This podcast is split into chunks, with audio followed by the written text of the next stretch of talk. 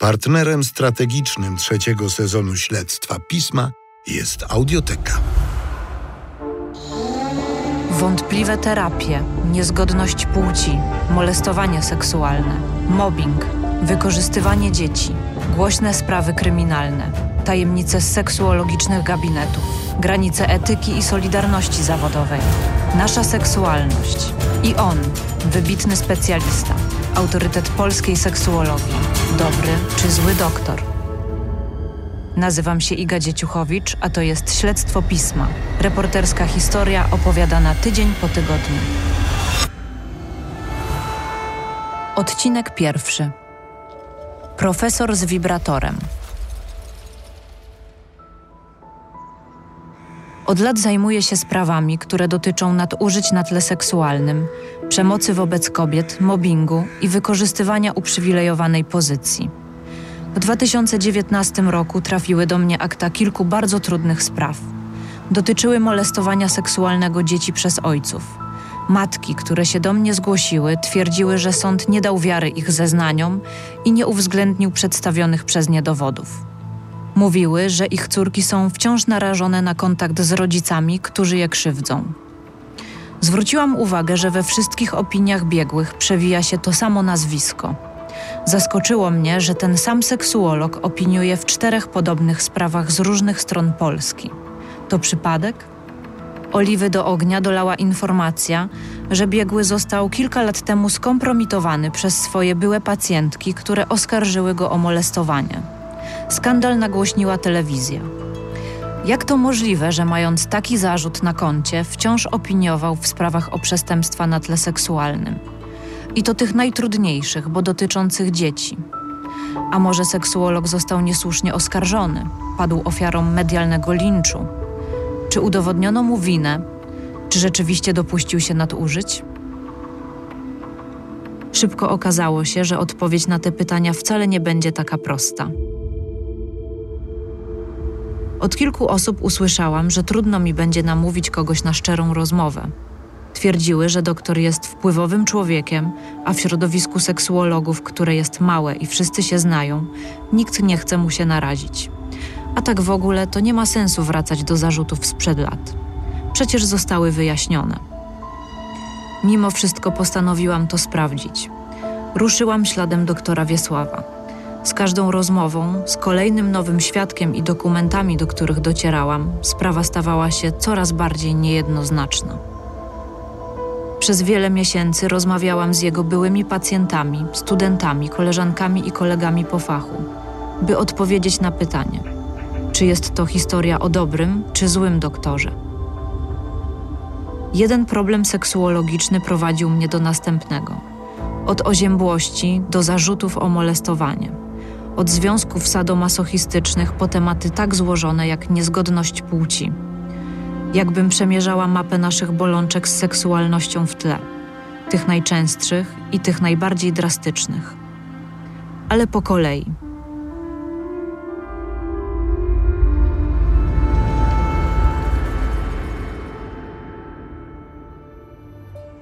Tę historię najlepiej zacząć w 2010 roku to właśnie wtedy Joanna, 42-letnia mężatka w udanym związku, zgłosiła się do poradni seksuologicznej przy ulicy Dolnej w Warszawie, gdzie przyjmowali seksuolodzy i terapeuci.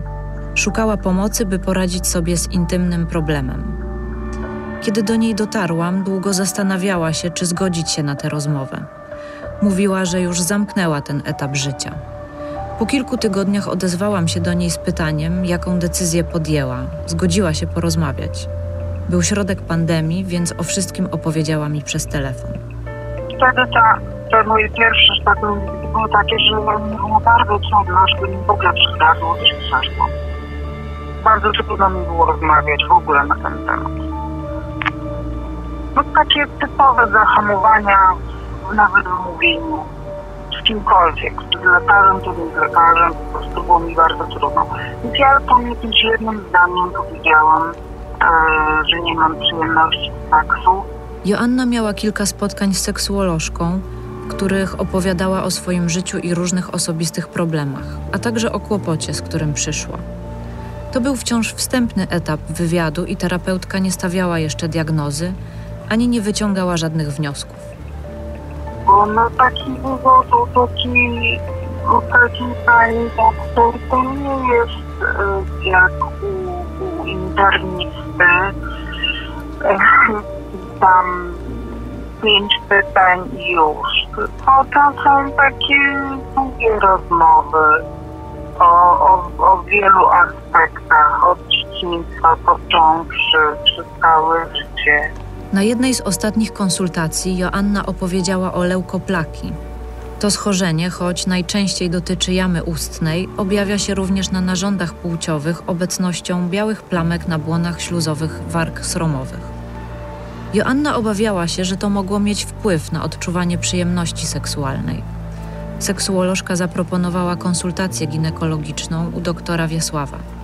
Joanna nie była pewna, jak będzie przebiegać wizyta, ale liczyła na profesjonalną pomoc.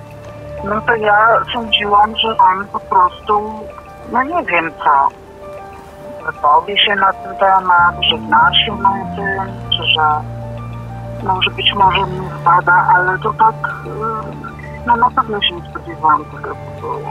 Zapytałam panią Joannę, jakie było jej pierwsze wrażenie, gdy przekroczyła próg gabinetu doktora. Czy doktor wydał jej się profesjonalistą? Czy był uprzejmy? A może co się zaniepokoiło? Pierwsze wrażenie było takie, że on mnie spytał, yy, sprzedał mi krzesło. Yy, no to ja powiedziałam to, ja w ogóle miałam jeszcze wtedy, teraz jest łatwiej. Ale wtedy ta, te moje pierwsze, że tak powiem, były takie, że mi było bardzo trudno, żeby mi w ogóle przeszkadzało coś przeszło. Bardzo trudno mi było rozmawiać w ogóle na ten temat. No takie typowe zahamowania nawet w mówieniu z kimkolwiek, czy z lekarzem, czy nie z lekarzem, po prostu było mi bardzo trudno. Więc ja tam jakimś jednym zdaniem powiedziałam, e, że nie mam przyjemności z seksu i on mówi, ja już nie pamiętam teraz tak szczegółów. W każdym razie zaczął mnie pytać o dokładnie te same rzeczy, o które pytała mnie doktor wszystko było zapisane w mojej karcie. To były długie, długie zapiski i ja mu wtedy powiedziałam, że przecież to wszystko już jest tam napisane. Że to wszystko już mówiłam.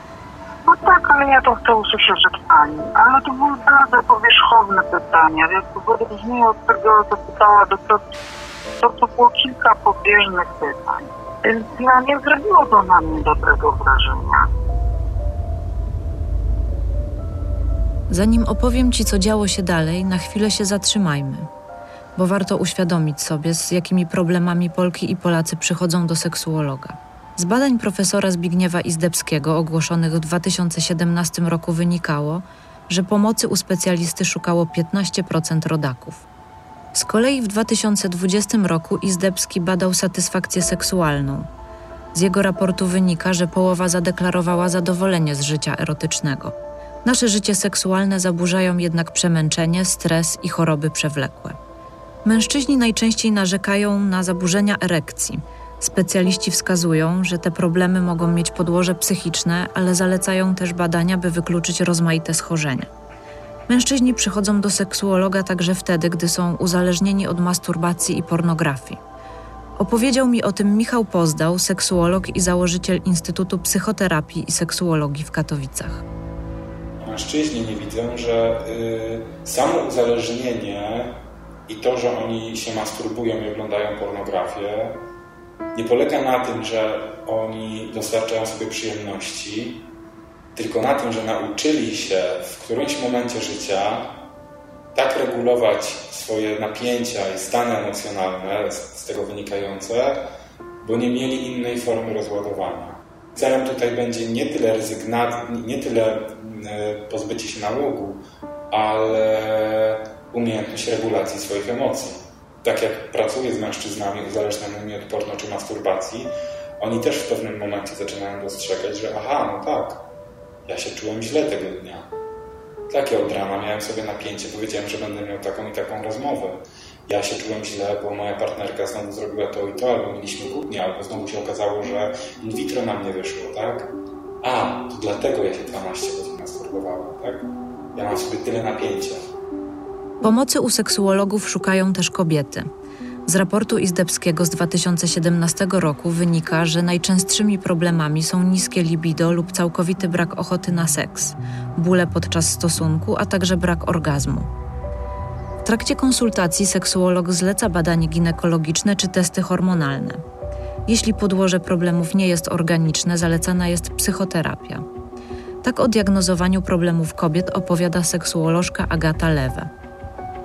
Przykład yy, pochwica, czy bolesna, bolesna penetracja, czy niemożność odbycia stosunku seksualnego, albo brak orgazmu. Że dopóki nie sprawdzimy tych wszystkich yy, społecznych oddziaływań, na przykład że to, że jesteśmy w związku przemocowym, albo że jesteśmy osobami, które od lat całe, całe młode życie słyszały, że seks jest brudny i zły, a nagle mają czerpać z niego przyjemność i mieć, nie wiem, ejakulować i mieć multiorgazmy, bo tak jest napisane w kobiecach, kobiecych pismach.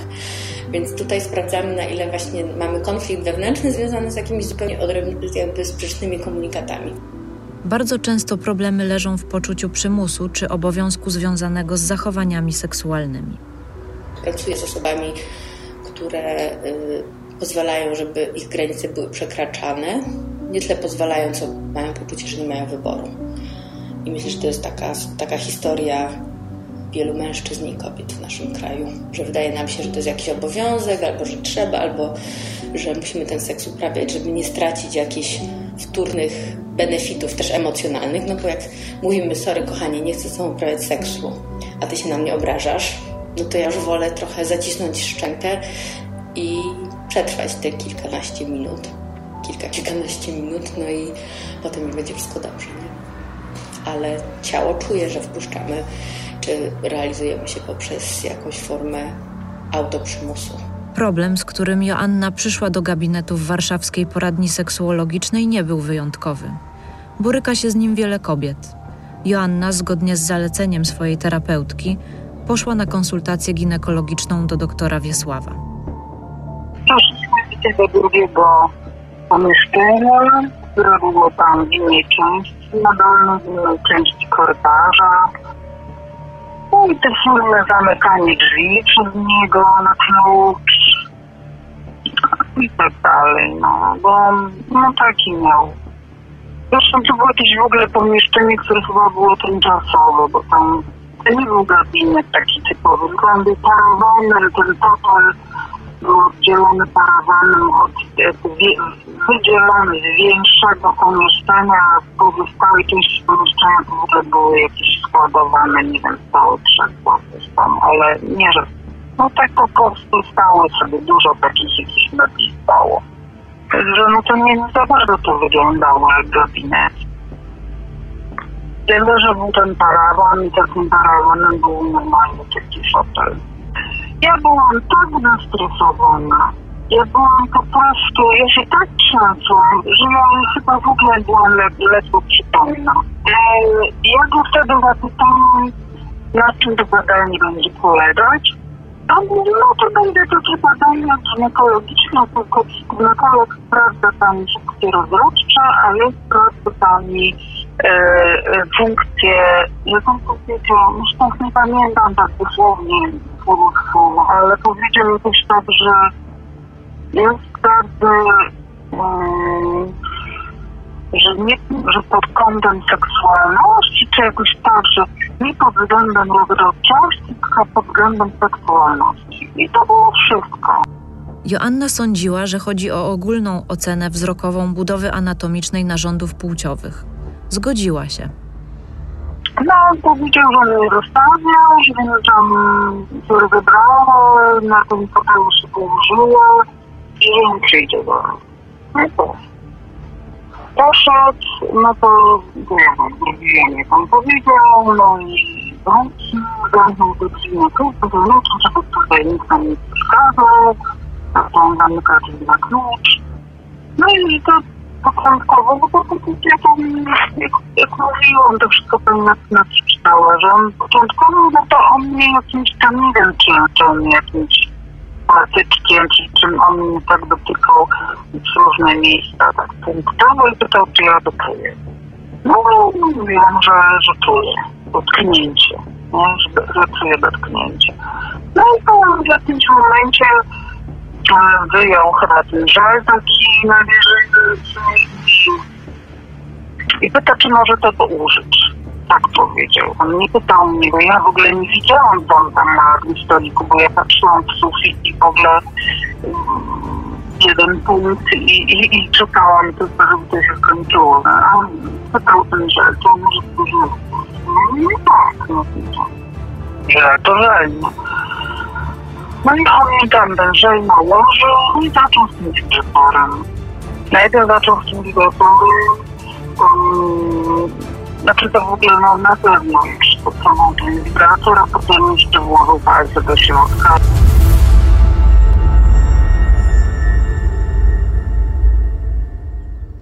To był bezpłatny fragment pierwszego odcinka nowego sezonu Śledztwa Pisma. Trzeci sezon Śledztwa Pisma jest dostępny tylko dla prenumeratorów i subskrybentów miesięcznika Pismo Magazyn Opinii oraz dla subskrybentów Audioteka Klub. Wykup prenumeraty lub dostęp. Słuchaj na magazynpismo.pl lub w aplikacji Audioteki.